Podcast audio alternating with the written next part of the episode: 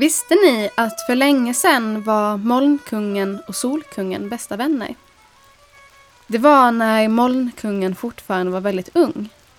Och eftersom Molnkungen och Solkungen var vänner så hände det aldrig att det regnade när folket bad om sol och det var aldrig sol när folket bad om regn.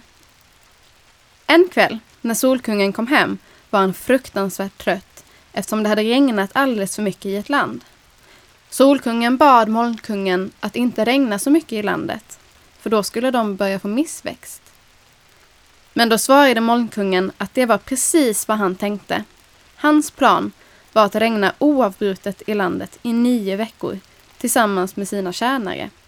Eftersom det fanns en prinsessa i landet som vägrade att gifta sig med honom. Det här kunde ju Solkungen såklart inte gå med på så han fick kasta av sig sin trötthet och åka tillbaka och försöka hjälpa det stackars landet. Och ni kan ju tänka er hur förvirrade alla människorna var när det var alla väder på en gång. Så fort det började regna och hagla blev det starkt solsken så att de nästan brände sig. Och direkt efter det så började det snöa och blixtra. Molnkungen blev så arg på Solkungen att han knappt visste vad han skulle ta sig till. Men så kom han på att tidigt på morgonen flyger Solkungen ut i världen som ett litet barn. Vid middagstid är han en man och på kvällen så kommer han hem som en kraftlös gubbe för att sova på sin mammas knä.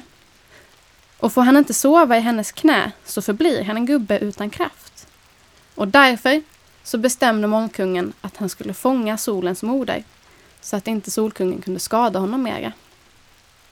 Så Molnkungen, han ändrade skepnad till en grå stilig molnhäst. Och så reste han till Solens mamma och där sa han till henne att Solkungen var svag och för långt bort för att ta sig hem. Solkungen behövde hjälp och att hon genast skulle sitta upp på hästen så att han kunde ta henne dit.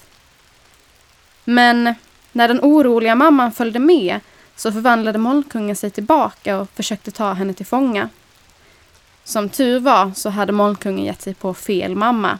Så hon fångade istället honom och låste in honom hemma hos sig. Sen skyndade hon allt vad hon kunde till sin son så att han fick vila upp sig lite.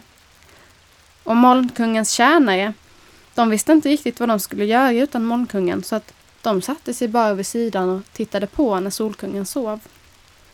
Och sen, när Solkungen torkat upp allt elände de ställt till med, så gick alla hem men eh, sen den dagen finns det inte mycket vänskap mellan Molnkungen och Solkungen.